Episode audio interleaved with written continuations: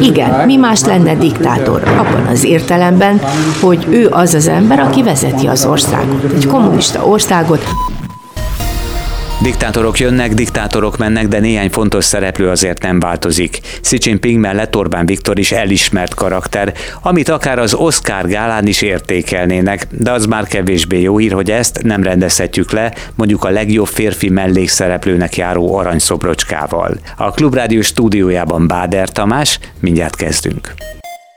Breaking, a Klubrádió hírpodcastje.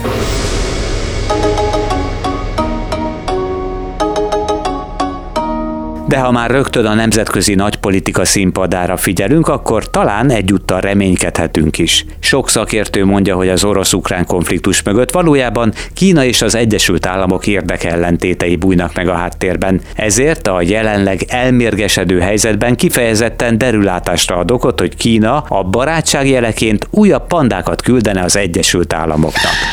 Ha megvan a saját bébiének hangos csuklására reagáló pandás videó a fejünkben, akkor egy derűs, bizakodó mosolyjal akár hozzájárulhatunk a két nép megbonthatatlan barátságához.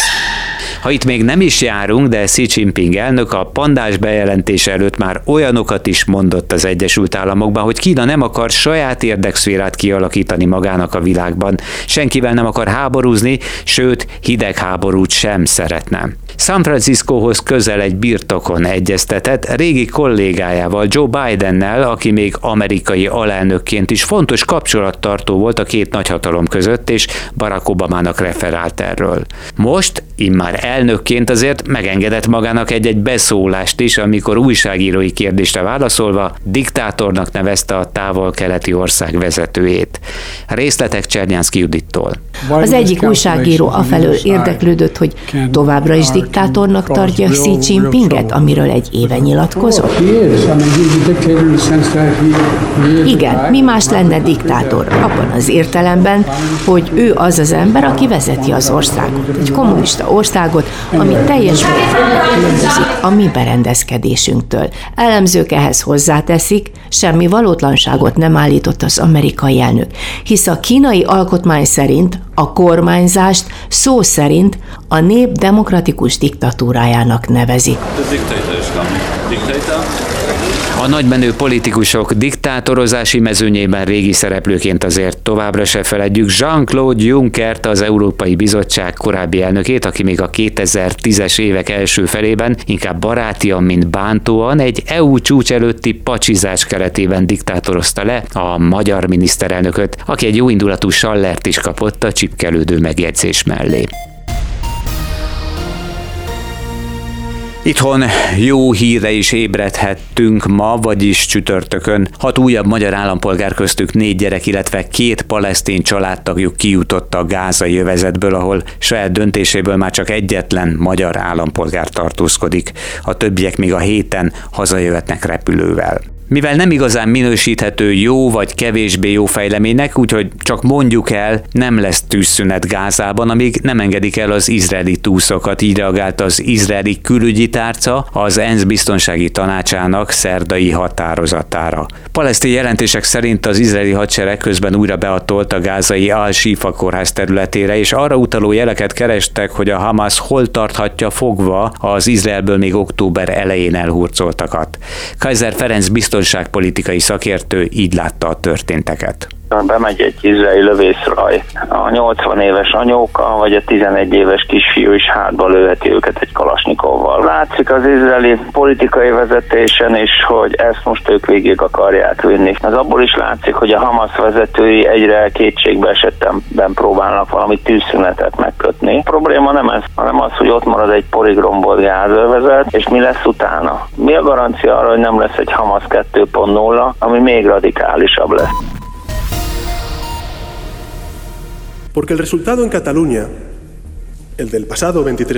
A jóképű és ettől teljesen függetlenül baloldali Pedro Sánchez maradt a spanyol miniszterelnök. A 350 fős törvényhozásban 179 képviselő támogatta, 171-en ellene voksoltak. Megválasztásához abszolút többségre legalább 176 voksra volt szüksége. Beiktatásához még esküt kell tennie az alkotmányra a hatodik Fülöp király jelenlétében, majd várhatóan megnevezi új kormányának tagjait. A spanyol szocialista munkáspárt október október végén kötött koalíciós alkut a többi baloldali pártot tömörítő formációval.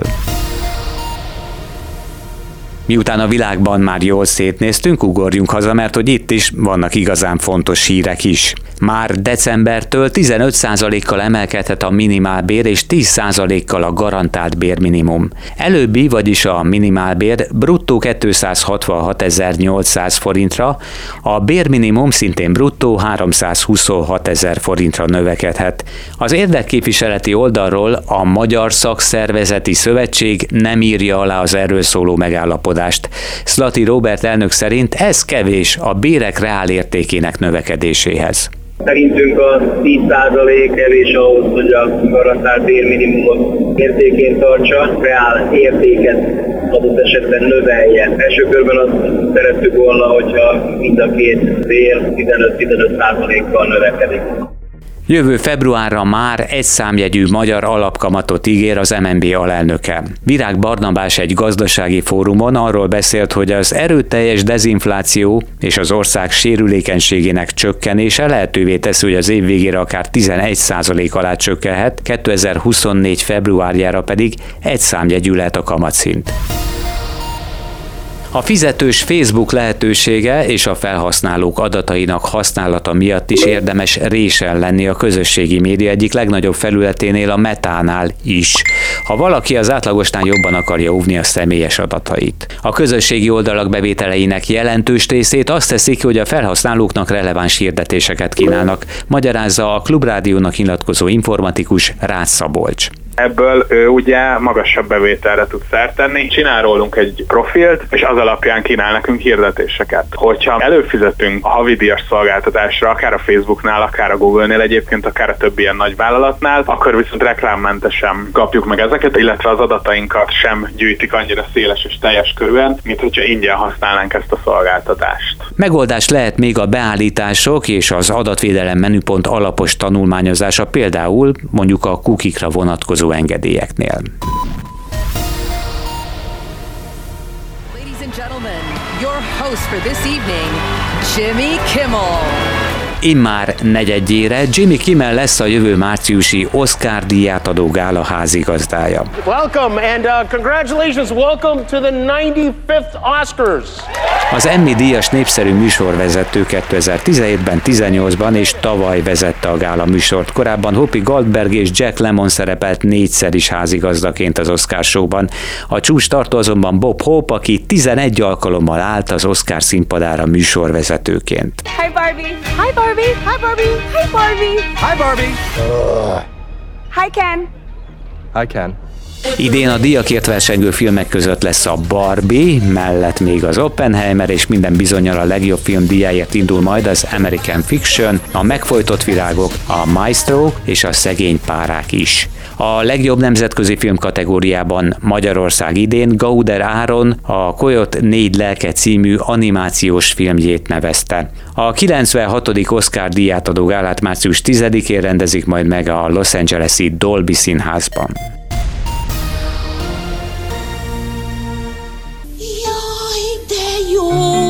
A habos sütemény. Magyarul Elhunyt Galambos Erzsi, Kossuth és Jászai Maridia színész, érdemes és kiváló művész, a Halhatatlanok Társulata és a József Attila Színház örökös tagja. A teátrum közleménye szerint a színművész méltósággal viselt betegségben hunyt el. Galambos Erzsi 92 éves volt. Apukám, Hallgassuk tőle egy kicsit ezt az édes, most éppen keserédes emlékű dalt. S közben jó édes méz, illata száll fenél. Jaj, de jó, habos sütemény.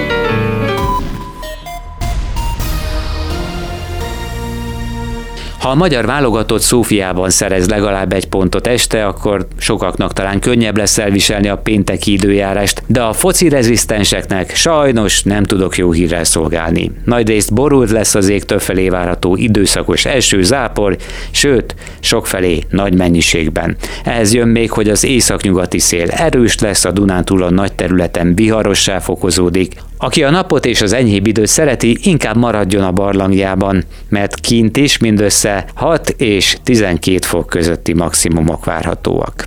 Ez volt a Breaking, munkatársaim voltak Nemes Dávid, Cselmeci János és Kemény Dániel. Köszönöm figyelmüket, a szerkesztőt Báder Tamást hallották. Legközelebb pénteken is keressék a Breakinget a megszokott időben, a megszokott helyeken, és iratkozzanak fel a csatornánkra is. Ez volt a Breaking. A Klubrádió hírpodcastjét hallották.